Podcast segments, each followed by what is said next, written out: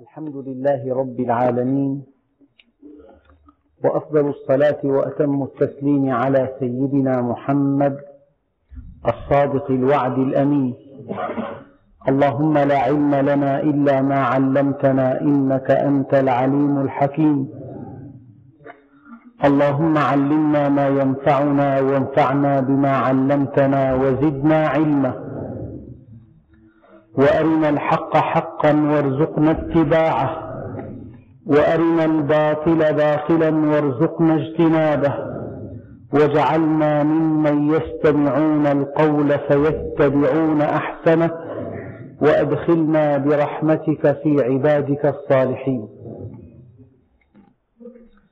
أيها الإخوة المؤمنون مع الدرس الثاني عشر من سورة النحل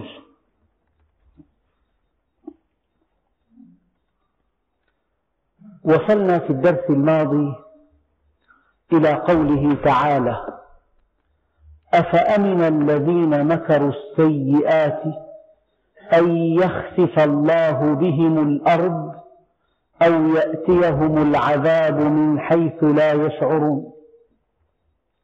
الحقيقة نعمة الأمن لا تعدلها نعمة. أن تطمئن إلى أن مكروها لن يصيبك. هذه النعمة لا يعرفها إلا المؤمن. قال تعالى فأي الفريقين أحق بالأمن إن كنتم تعلمون؟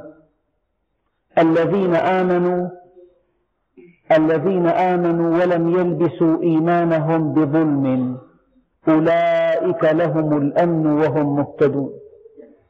السلامة ألا يقع الشر ولكن الأمن ألا تتوقع حصول الشر. وشتان بين السلامة والأمن. قد يكون الإنسان في أقصى درجات السلامة ولكن قلبه يكاد ينخلع قلقا. مرض العصر هو القلق. كتاب حديث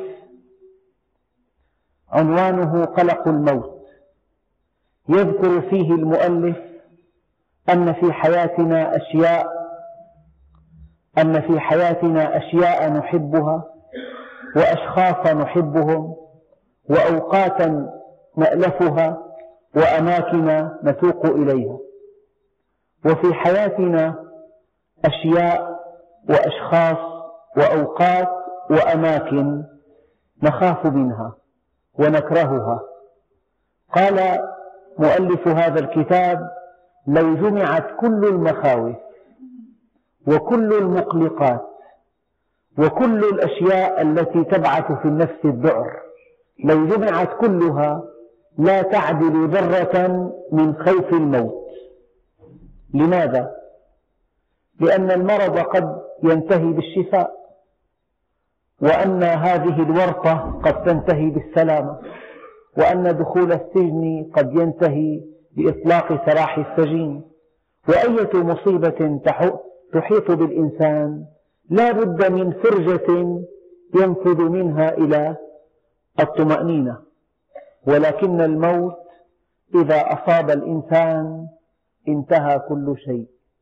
لذلك ساعة في الساعة التي يتيقن الإنسان أنه سيغادر الدنيا يتسرب إلى قلبه من الحزن ما لو وزع على أهل بلد لكفاهم. ولكن هذا الكتاب الذي ألف تحت عنوان قلق الموت أعجبني فيه شيء واحد أن المؤلف لم ينسى أن يستثني المؤمن من قلق الموت. إنه يقول إلا المؤمن فإن الموت يعد بالنسبة إليه مصدر مصدر سعادة وطمأنينة. يروى وهذه قصة رمزية أن ملك الموت حينما أتى إبراهيم عليه السلام وعرف إبراهيم هذا النبي العظيم أنه لا شك ميت. فقال لملك الموت أيمكن أن يميت الحبيب حبيبه؟ فأوحى الله له أن يا إبراهيم أيكره المحب لقاء حبيبه؟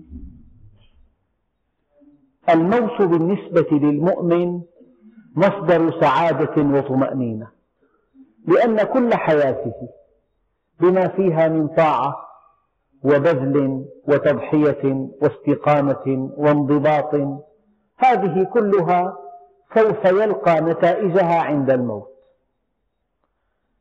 أحد, أحد أصحاب رسول الله صلى الله عليه وسلم سعد بن الربيع تفقده النبي فلم يجده.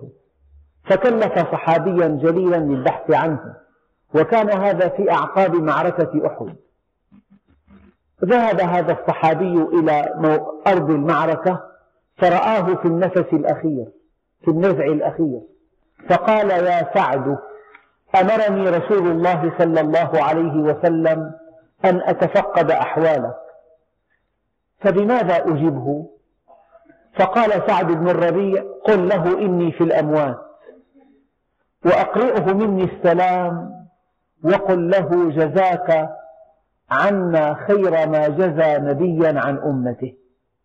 وقل لأصحابه لا عذر لكم عند الله إذا خلص إلى نبيكم وفيكم عين تطرف. ما هذه السعادة التي انغمس بها هذا الصحابي الجليل؟ لذلك قلق الموت لا يصيب المؤمن. إن الموت عرسه وإن الموت تحفة المؤمن. وفي الموت يسعد الإنسان بلقاء الله عز وجل. فلذلك أفأمن؟ هل أنت مطمئن؟ أغلب الظن أن أهل الدنيا لا يطمئنون. ولو كانوا في أوج نجاحهم وفي أوج قوتهم وفي أوج غناهم. إن القلق يأكل قلوبهم. قال بعضهم توقع المصيبة مصيبة أكبر منها. وأنت من خوف المرض في مرض. وأنت من خوف الموت الفقر في فقر. وإن المرض الذي يعاني منه العالم أجمع. المنقطع عن الله عز وجل هو القلق. شبح السرطان. في أمريكا وأوروبا يأكل القلوب. شبح مرض الآيدز يخيف الناس. شبح أمراض القلب شبح الحوادث شبح الحريق. إن حياة الناس من دون إيمان حياة مشحونة بالمقلقات لذلك الكتب التي تؤلف حول موضوع القلق يباع منها بمئات الملايين. هناك قلق عميق. فهؤلاء الذين يمكرون السيئات هل يأمنون؟ هل يطمئنون؟ هذا الذي يفكر كيف يؤذي زيدا أو كيف يؤذي عبيدا أو كيف يأكل مال فلان. هذا الذي يضع أمام إنسان عراقيل كي يبتز ماله. هذا الإنسان هل يدري ما سيكون؟ هل يدري بماذا سيفاجأ بعد حين؟ هذا الذي يفكر كيف يؤذي وكيف يأخذ ما ليس له وكيف يفعل ويفعل وكيف يبني مجده على أنقاض الناس وكيف يأخذ مما عندهم من دون حق هذا الذي يمكر السيئات. هل يدري ما سيكون؟ هل يدري بماذا سيفاجأ بعد أيام أو بعد أسابيع أو بعد أشهر أو بعد سنوات؟ قل سيروا في الأرض ثم انظروا كيف كان عاقبة المكذبين. قل سيروا في الأرض فانظروا كيف كان عاقبة المكذبين. رب السماوات والأرض رافع السماوات بغير عمد يقول أفأمن الذين مكروا السيئات أن يخسف الله بهم الأرض أو يأتيهم العذاب من حيث لا يشعرون. يعني مدن من أجمل مدن العالم تستقبل السياح الأجانب وهذه المدن على سواحل البحار وفيها المنتجعات وفيها الفنادق وفيها الغرف المفروشة وفيها المتنزهات وفيها الشواطئ والنوادي. هذه المدن في ثلاث دقائق أصبحت أثرا بعد عين. أغادير. في ثلاث دقائق.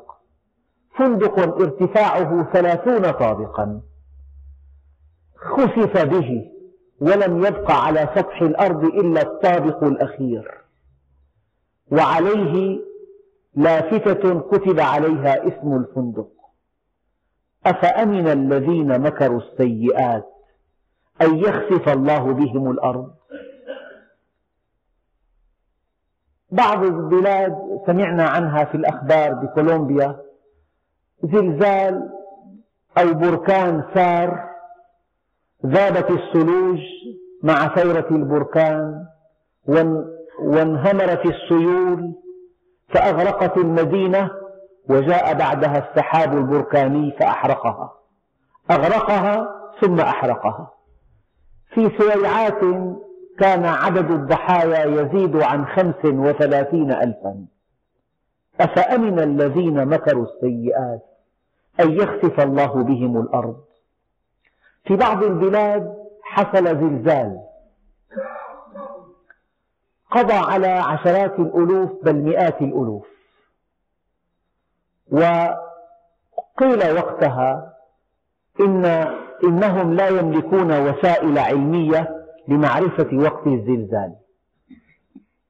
فبقي الناس ينتظرون أخبارا دقيقة عن الهزة الثانية. قبعوا في منازلهم أو قبعوا في الطرقات وفي الحدائق العامة حتى يئسوا من وقوع الهزة الثانية. فلما دخلوا إلى بيوتهم جاءت الهزة الثانية فقضي على عشرات بل مئات الألوف الأخرى. أفأمن الذين مكروا السيئات أن يخسف الله بهم الأرض؟ يعني واحد ساكن ببيت دافع حقه مليون هذا البيت بقاؤه منوط برحمة الله.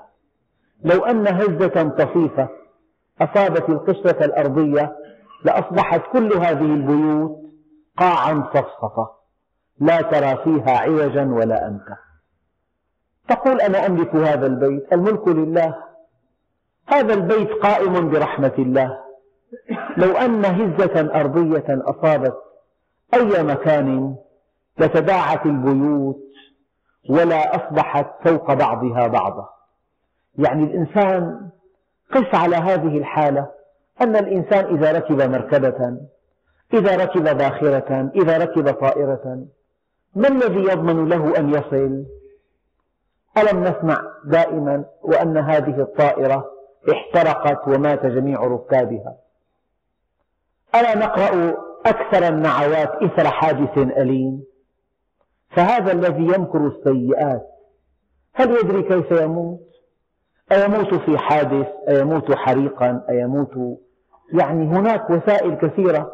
هذه الآية طبقها على كل الحالات أفأمن الذين مكروا السيئات أن يخسف الله بهم الأرض؟ يعني قد يقول قائل لم نرى أن الأرض قد خسفت فيما حولنا. فهناك حوادث فردية.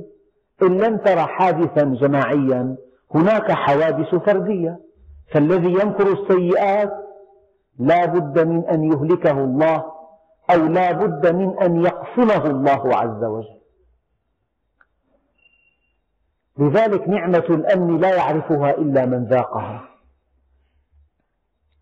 نعمة الأمن أطعمهم من جوع وآمنهم من خوف. ضرب الله مثلا قرية كانت آمنة مطمئنة. يأتيها رزقها رغدا من كل مكان. فكفرت بأنعم الله فأذاقها الله لباس الجوع والخوف بما كانوا يصنعون. كانت آمنة مطمئنة. يأتيها رزقها رغدا من كل مكان. فكفرت بأنعم الله فأذاقها الله لباس الجوع والخوف بما كانوا يصنعون.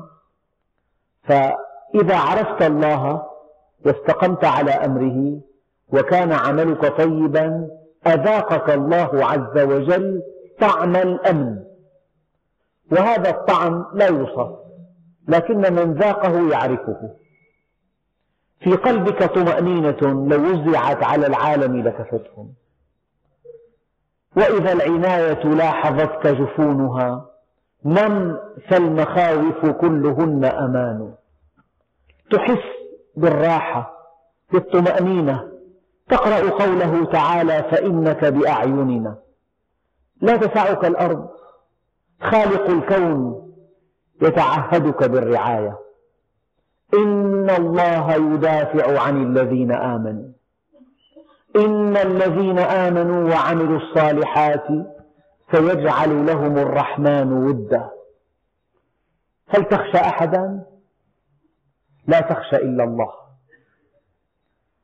فهؤلاء الذين مكروا السيئات هؤلاء الذين يفكرون في أن يوقعوا الأذى بالآخرين هؤلاء الذين يفكرون في اغتصاب أموال الناس. يعني توفي الأب وترك مالا طائلا. كبير الإخوة أراد أن يغتصب مال إخوته. هذا الأخ الأكبر وهو يفكر في اغتصاب مال إخوته. هل يضمن أنه سيعيش كي يستفيد من هذا المال؟ الله سبحانه وتعالى قد يقسمه. أفأمن الذين مكروا السيئات أن يخسف الله بهم الأرض؟ أو يأتيهم العذاب من حيث لا يشعرون؟ يعني مصادر العذاب لا تعد ولا تحصى. أعرف شابا في ريعان الشباب. بدأ يحس بآلام مبرحة في مفاصله. ذهب إلى الأطباء. توقعوا أن معه فقر دم لأن آلام المفاصل من أعراض فقر الدم. فحص دمه فإذا النسبة منخفضة. طيب ما السبب؟ قصة طويلة. ملخصها أن الطحال الذي هو مقبرة لكريات الدم الحمراء.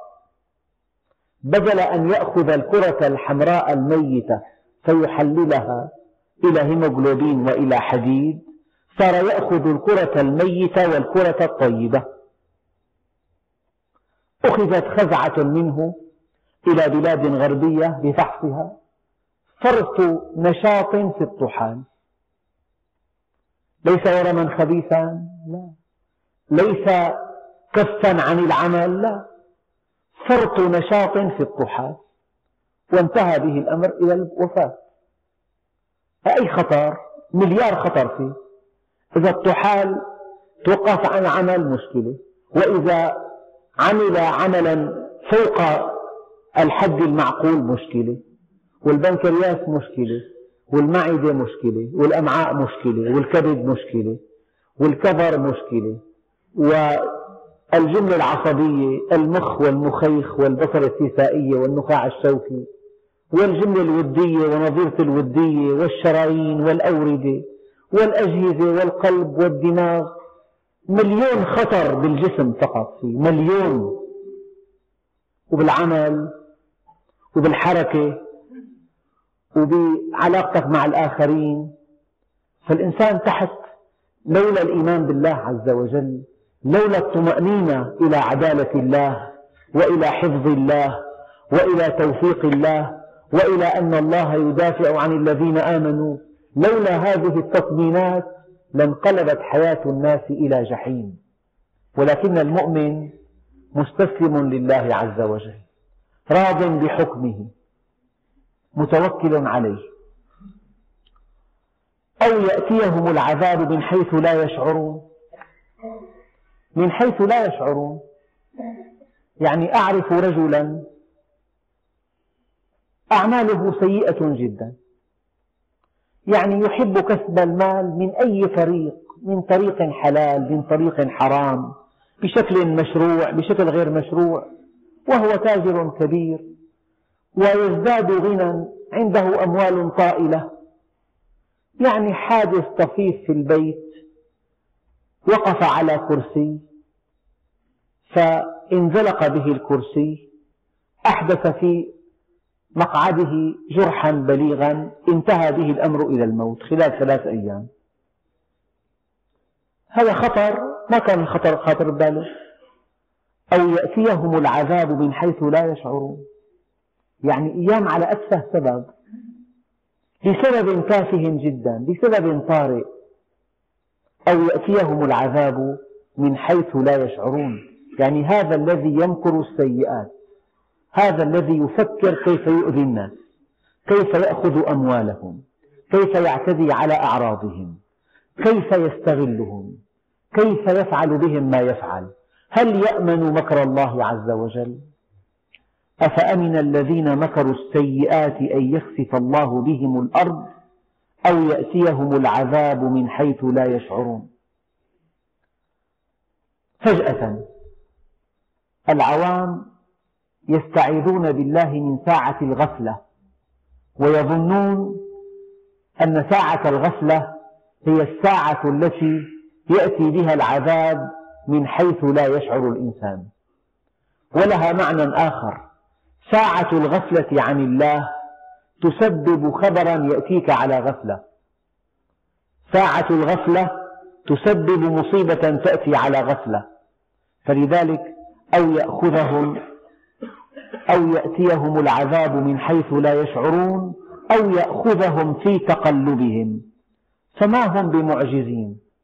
الإنسان بين بيته وعمله ومتجره ودائرته في أثناء البيع في أثناء الشراء أثناء عقد صفقة أثناء دفع الثمن أثناء قبض الثمن قبل بيع الأرض بعد بيع الأرض وهو في الطريق وهو في النزهة وهو في على ساحل البحر وهو في فندق وهو في مكتبه الفخم وهو في بيته أو يأخذهم في تقلبهم.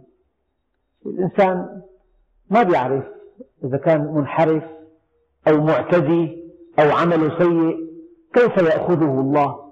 يأخذه وهو نائم يأخذه وهو مسافر يأخذه وهو في متجره يأخذه وهو يعقد صفقة وهو يقبض الثمن أو يأخذهم في تقلبهم وهم في نشاطهم اليومي وهم في أوج نشاطهم. فما هم بمعجزين؟ كن فيكون. لو أن أولكم وآخركم وإنسكم وجنكم وقفوا على صعيد واحد وسألني كل واحد منكم مسألته ما نقص ذلك في ملكي إلا كما ينقص المخيط. إذا غمس في مياه البحر ذلك لأن عطائي كلام وأخذي كلام. فمن وجد خيرا فليحمد الله ومن وجد غير ذلك فلا يلومن إلا نفسه. يعني أنا أردت أن أعيد هذه الآية مؤكدا لكم. يعني أي عمل سيء أي انحراف عن الطريق الصحيح أي أكل للأموال بالباطل أي عدوان على الأعراض أي إيقاع بين الناس أي انحراف هذا ثمنه باهظ. الله سبحانه وتعالى يمهل ولا يهمل. يعني قصة رمزية. شوحة قصة رمزية. التقت بسيدنا سليمان عليه السلام. قالت له يا نبي الله اسأل ربك أهو مهول أم عجول؟ فلما سأل هذا النبي الكريم ربه قال يا رب إنها تسألني أمهول أنت أم عجول؟ فقال الله عز وجل قل لها إني مهول. يعني على, الإمهال. مع أن هذه الشوحة؟ انقضت على قطعة لحم تشوى على جمر أخذتها وطارت بها. يعني اغتصابا. علق بقطعة اللحم بصيص من الفحم المشتعل لما وضعت قطعة اللحم في عشها احترق العش. فعادت إلى سيدنا سليمان. قالت له يا, نبي الله ألم أسألك بأن الله مهول أم عجول؟ فقلت لي إنه مهول. ها هو ذا أحرق العش توا. هكذا القصة قصة رمزية. فقال الله عز وجل لهذا النبي الكريم قل لها هذا حساب قديم. هذا حساب قديم.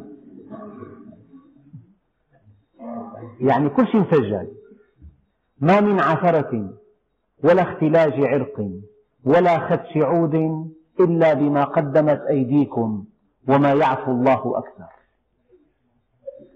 وما أصاب من مصيبة فبما كسبت أيديكم. ويعفو عن كثير. إذا أو يأخذهم في تقلبهم فما هم بمعجزين. أو يأخذهم على تخوف هي حالة ثالثة. الأولى خسف الأرض. والثانية أن يأخذهم من جهة لا يتوقعونها. والثالثة أن يأخذهم وهم في نشاطهم اليومي والرابعة أن أو يأخذهم على تخوف. يعني هم خائفون يتوقعون هذه المصيبة يتوقعونها ثم تقع. يعني يموتون قبل أن تقع مئة مرة إلى أن تأتي فتأخذهم. هي حالة أصعب حالة يتوقعون المصيبة وينتظرونها ثم تأتي. وقال بعض المفسرين التخوف هو النقص. يعني قد تقل المواد يغلو سعر الطعام كل شيء ينحسر يرتفع سعره إلى أن يصيب الناس بلاء عظيم. هذا هو التخوف. أو يأخذهم على تخوف فإن ربكم لرؤوف رحيم. يعني هون آخر فقرة بالآية دقيقة جدا. يعني لماذا لم يفعل الله عز وجل هذا؟ لأنه رؤوف رحيم. يعني هو يعطيكم مهلة. يعطي مهلة كي تتوبوا. فإذا فعل الإنسان ذنبا ورأى الله عز وجل قد تركه وشأنه لم يعاقبه لا يطمع لقد أعطاه الله فرصة. لكن في قصة أخرى في حق المؤمنين يروى أن مؤمنا يعني تعلم من أساتذته أن لكل سيئة عقابا لكل معصية جزاء. في ساعة غفلة وقع في معصية. فبحسب ما سمع من أساتذته بدأ ينتظر العلاج العقاب. مضى يوم أو يومان أو ثلاثة ولم يحدث شيء. فناجى ربه قال يا ربي لقد عصيتك ولم تعاقبني.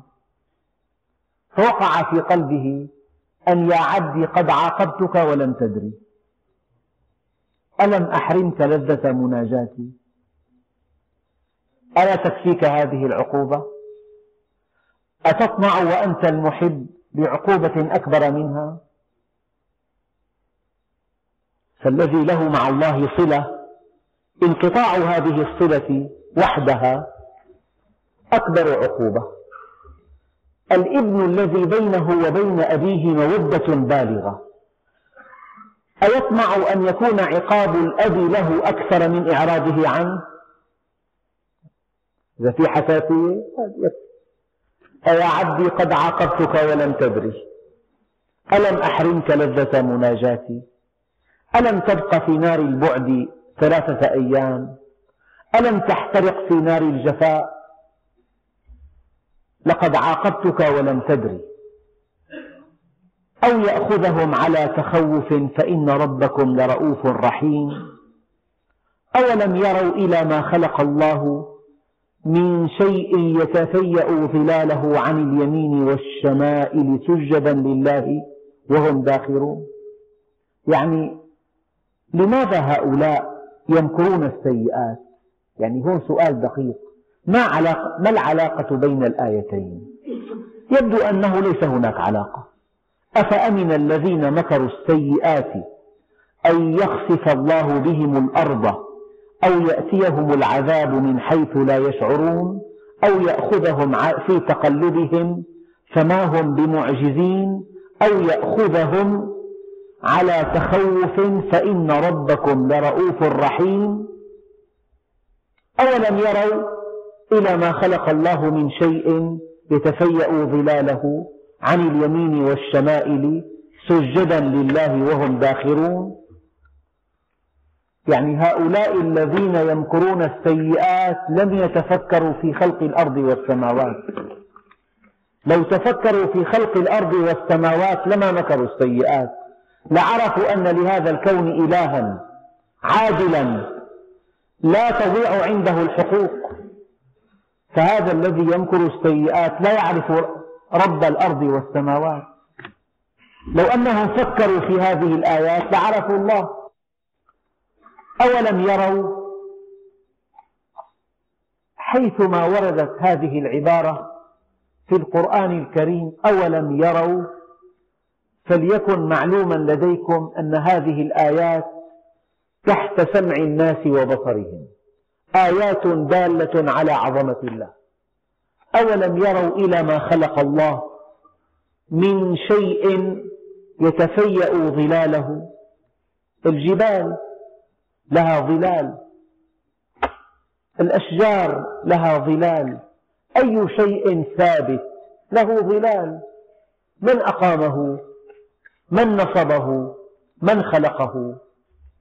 من أمده بهذه القوة؟ يعني كأن الله عز وجل يقول تفكروا في هذه الجمادات. تلاقي مقلع رمل في جبل. عمره ثلاثون عاما. ولم يؤثر في شكل الجبل كم في الجبال من مواد؟ كم فيها من صخور؟ أولم يروا إلى ما خلق الله من شيء يتفيأ ظلاله, ظلاله عن اليمين والشمائل؟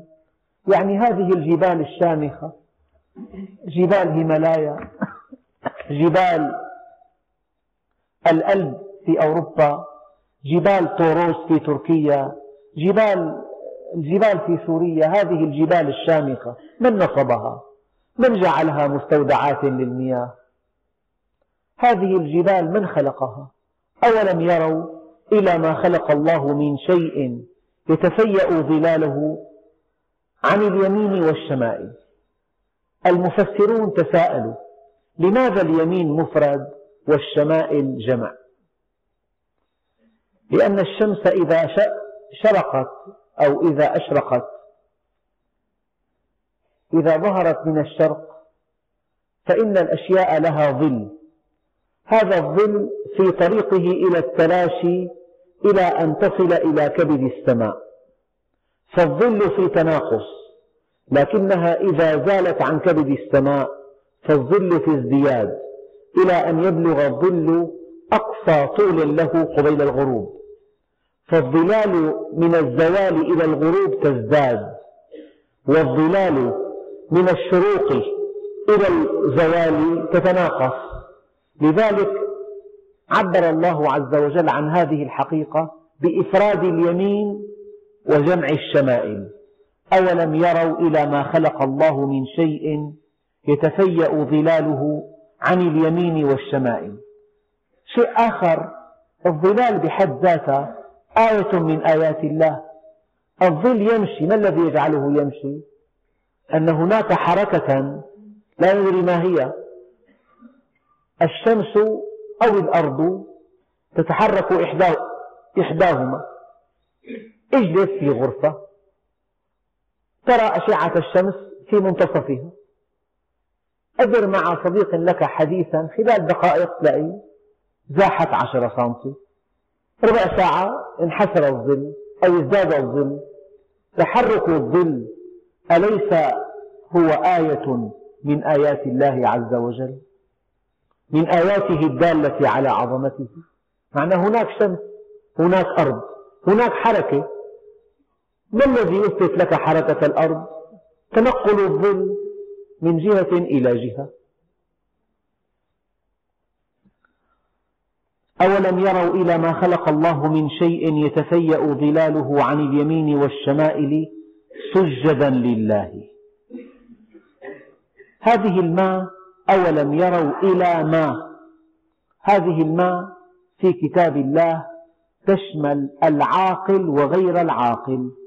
يعني أي شيء جام أي شيء يشكل حيزا ماديا له ظل.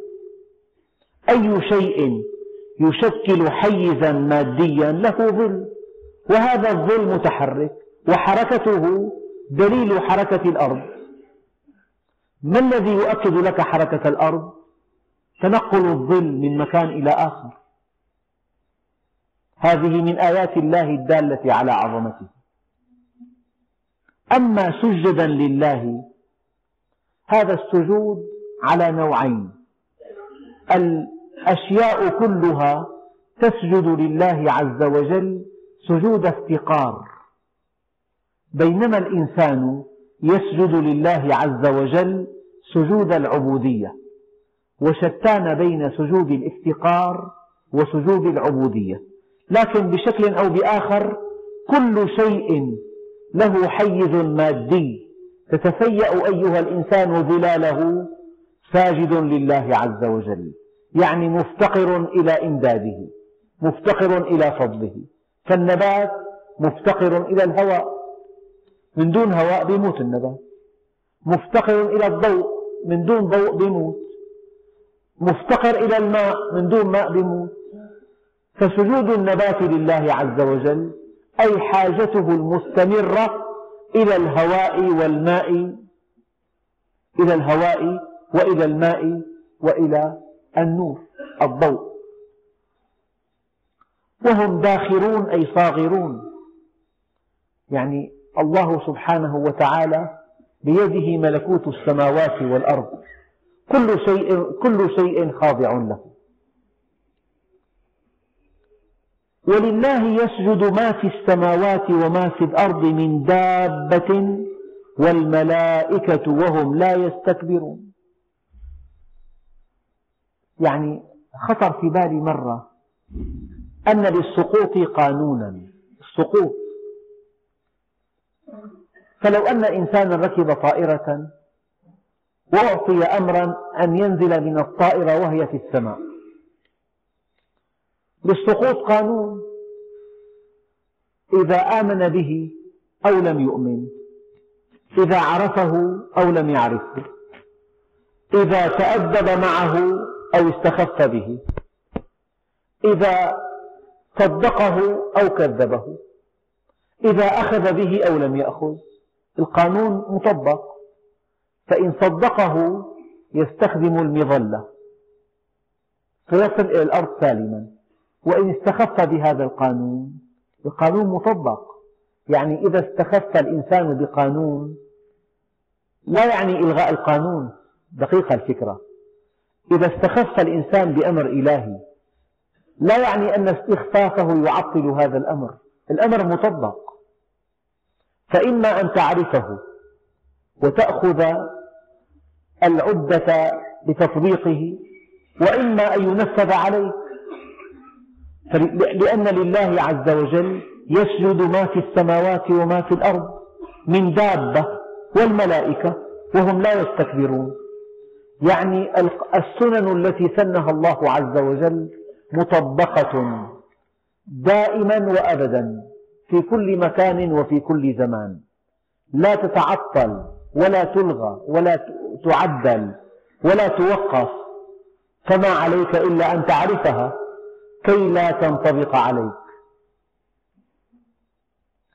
ولله يسجد ما في السماوات وما في الأرض من دابة من دابة هي من استغراق أفراد النوع. يعني أي شيء يدب على وجه الأرض.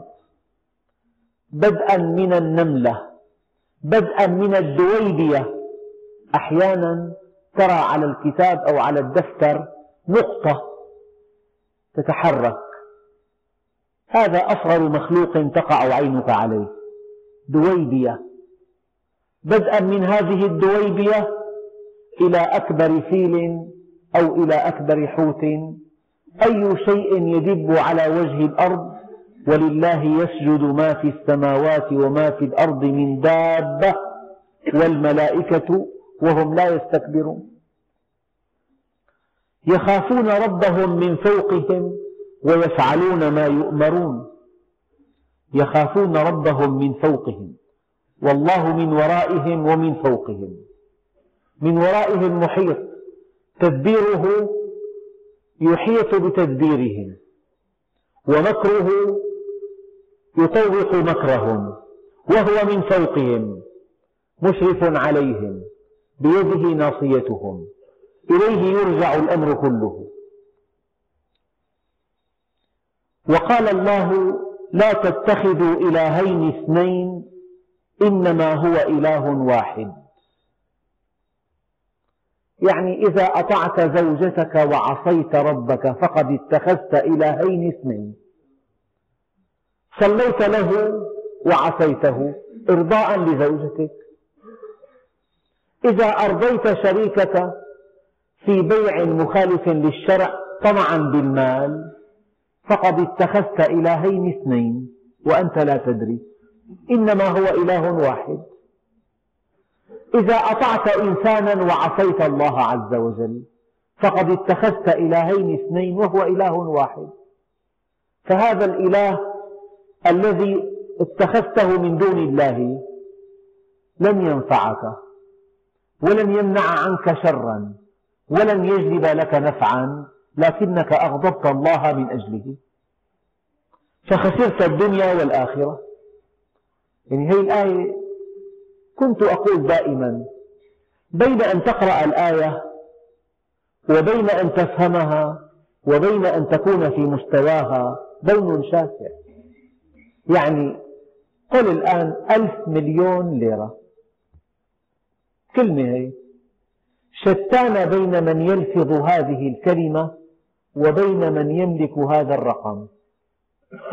فرق كبير جدا. أي واحد منكم بإمكانه أن يقول ألف مليون ليرة؟ ألف ألف مليون ليرة. مليار مليار مليون. سهل لكن بين أن تملك الرقم وبين أن تلفظه بون شاسع. كذلك بين أن تقول وقرأ الآية دقيق معناتها. لا تتخذوا إلهين اثنين. وبين أن تكون موحدا بون شاسع. بون كبير بين أن تنطق بكلمة التوحيد وبين أن تكون مع الموحدين. ما من مسلم على وجه الأرض إلا وينطق بكلمة التوحيد مئات المرات في اليوم الواحد وهو غارق في الشرك إلى رأسه. وقال الله لا تتخذوا إلهين اثنين إنما هو إله واحد. فإذا إنسان خوفك فمنعك من أن تصلي فقد اتخذته إلها وأنت قد اتخذت إلهين اثنين. إذا إنسان خوفك أن يمنع عنك رزقك وصدقته فقد اتخذته إلها وأنت قد اتخذت إلهين اثنين. فهذا هو الشرك. كلمة الحق لا تقطع رزقا ولا تقرب أجلا. إليه يرجع الأمر كله فاعبده وتوكل عليه. هذا هو الدين. الدين كله توحيد. ما تعلمت العبيد أفضل من التوحيد. لكن الذي أتمناه عليكم أن يكون واضحا لديكم هو أن النطق بكلمة التوحيد لا يكفي. من قال لا إله إلا الله بحقها دخل الجنة. قيل وما حقها يا رسول الله؟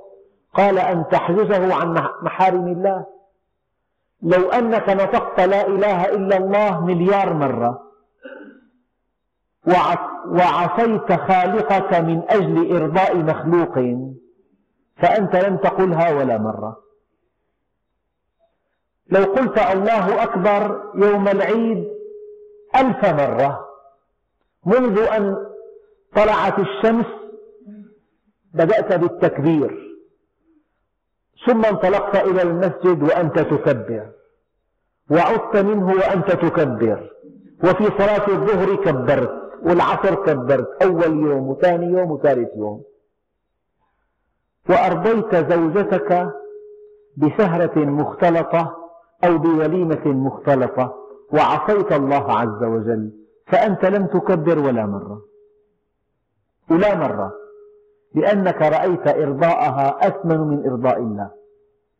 لم تقل الله أكبر هي عندك أكبر من الله. هي وليس الله عز وجل. فهذه الكلمات كلمات الدين. الحمد لله ولا إله إلا الله والله أكبر. ولا حول ولا قوة إلا بالله وإنا لله وإنا إليه راجعون.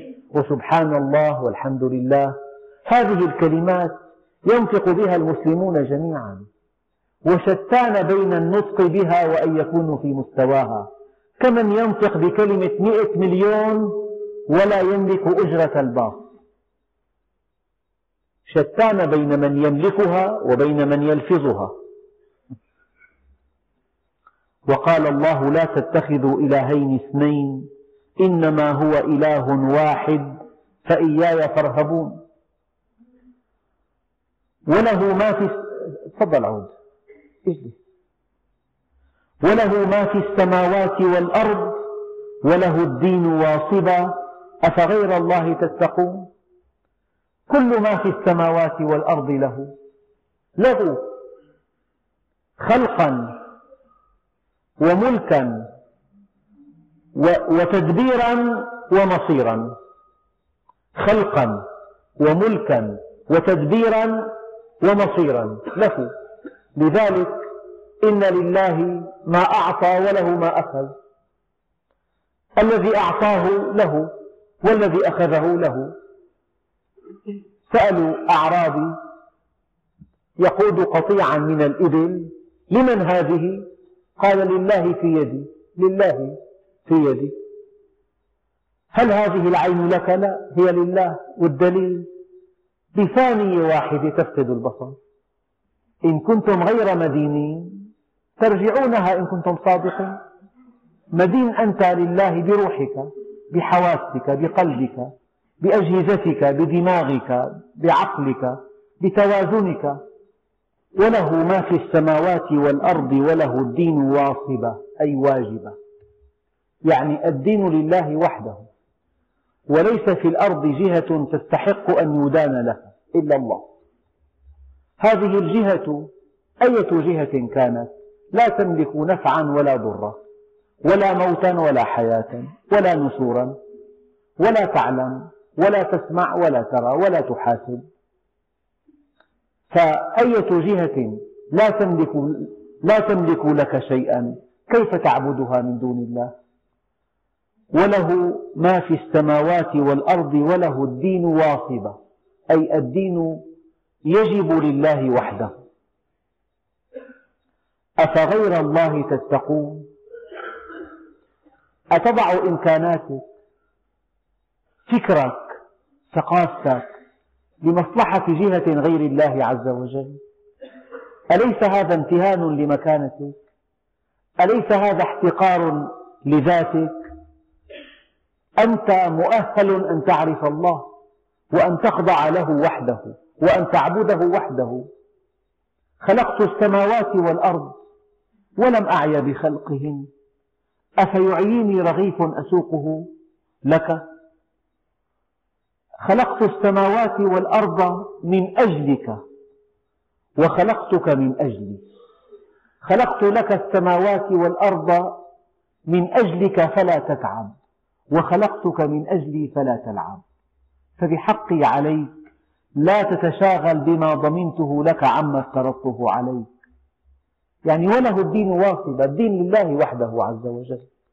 أنت أن تكون خاضع لإنسان لامرأة لزوجة لصديق لإنسان أعلم منك تقدم له كل شيء وهو لا يملك لك شيئا لا نفعا ولا ضرا ولا موتا ولا حياة ولا نشورا ويتخلى عنك يوم القيامة ويشمت بك وعلى رأسهم الشيطان. وقال الشيطان لما قضي الأمر إن الله وعدكم وعد الحق ووعدتكم فأخلفتكم وما كان لي عليكم من سلطان إلا أن دعوتكم فاستجبتم لي فلا تلوموني ولوموا أنفسكم ما أنا بمصرخكم ولا أنتم بمصرخي. أي شيطان. وما بكم وله ما في السماوات والأرض وله الدين واصبا أفغير الله تتقون وما بكم من نعمة فمن الله. يا رب كيف أشكرك؟ سيدنا موسى. قال يا موسى تذكرني ولا تنساني. إنك إذا ذكرتني شكرتني وإذا نسيتني كفرتني. لا تقل أنا لا تقل أنا بذكائي حصلت هذه المكانة. لا تقل أنا تعبت على نفسي كثيرا حتى حصلت هذه الشهادة. وما بكم من نعمة فمن الله. حدثني أخ يركب سيارة عامة الباص يعني قبل أسابيع. رجل من ركاب الباص خلع ثيابه كلها. مجنون. أمام الركاب قطعة قطعة؟ أخي فلان قوي الشخصية من الله؟ لو أخذ ما وهب أسقط ما أوجب. ما قيمة المال إذا فقد الإنسان عقله؟ وما بكم من نعمة فمن الله. نعمة العقل نعمة التفكير نعمة الحركة نعمة السمع نعمة البصر نعمة الهضم نعمة الدوران نعمة الأجهزة نعمة جهاز تصفية البول. وما بكم من نعمة فمن الله. تقرأ أيام بالجريدة إعلان فلان الفلاني يطلب ممن يرغب كلية من كليتيه وله جائزة كبيرة. يعني يرى هذا المصاب أن كل الدنيا لا تعدل كلية تعمل بانتظام. فالذي تعمل كليتاه بانتظام هي نعمة كبيرة. الذي يعمل قلبه بانتظام نعمة كبيرة. الذي يملك محاكمة صحيحة نعمة كبيرة. وما بكم من نعمة فمن الله. ثم إذا مسكم الضر فإليه تجأرون. قال لي واحد ركب من دمشق للقامشلي بطائرة. تظهر طائرة يعني موديل قديم مروحتين. في أثناء القصة قديمة لأنه هلأ كله نفاث فأحد المحركين تعطل. عرف الركاب ذلك. بعد تعطل المحرك كان في جيب هوائي فكان راكب جنبه واحد في أثناء الطريق جرى بينهما نقاش. يقول هذا الراكب أن ليس هناك إله. الدنيا مادة, مادة الإنسان مادة معقدة. ولا شيء بعد الموت. والإله خرافة أكذوبة. هذا النقاش في الطائرة. قبل تعطل إحدى المحرك أحد المحركين وقبل الجيب الهوائي فلما تعطل أحد المحركين وهبطت الطائرة في هذا الجيب الهوائي قال لي أقسم بالله. يقول الله الله الله. يضع يديه على ركبتيه يقول الله الله. قبل قليل تقول ليس هناك إله. وما بكم من نعمة فمن الله. ثم إذا مسكم الضر فإليه تجأرون. يعني هذا لا يعرفه إلا ركاب الطائرات. في الأحوال الجوية السيئة في الجيوب الهوائية في بعض الأزمات يعني بتلاقي الوجوه كلها صفراء وكلهم يقول يا الله. ثم إذا مسكم الضر فإليه تجأرون. أي ترفعون الصوت بالدعاء. ثم إذا كشف الضر عنكم إذا فريق منكم بربهم يشركون والله طيار أعصابه قوية. لولا الطيار لكنا قد متنا جميعا. هي على الأرض بأولى. وهو في الجو يا الله بالأرض صار الطيار أعصابه قوية. ثم إذا كشف الضر عنكم إذا فريق منكم بربهم يشركون ليكفروا بما آتيناهم فتمتعوا فسوف تعلمون. قل تمتعوا فإن مصيركم إلى النار. أفمن وعدناه وعدا حسنا فهو لاقيه كمن متعناه متاع الحياة الدنيا ثم هو يوم القيامة من المحضرين. فتمتعوا فسوف تعلمون. والحمد لله رب العالمين.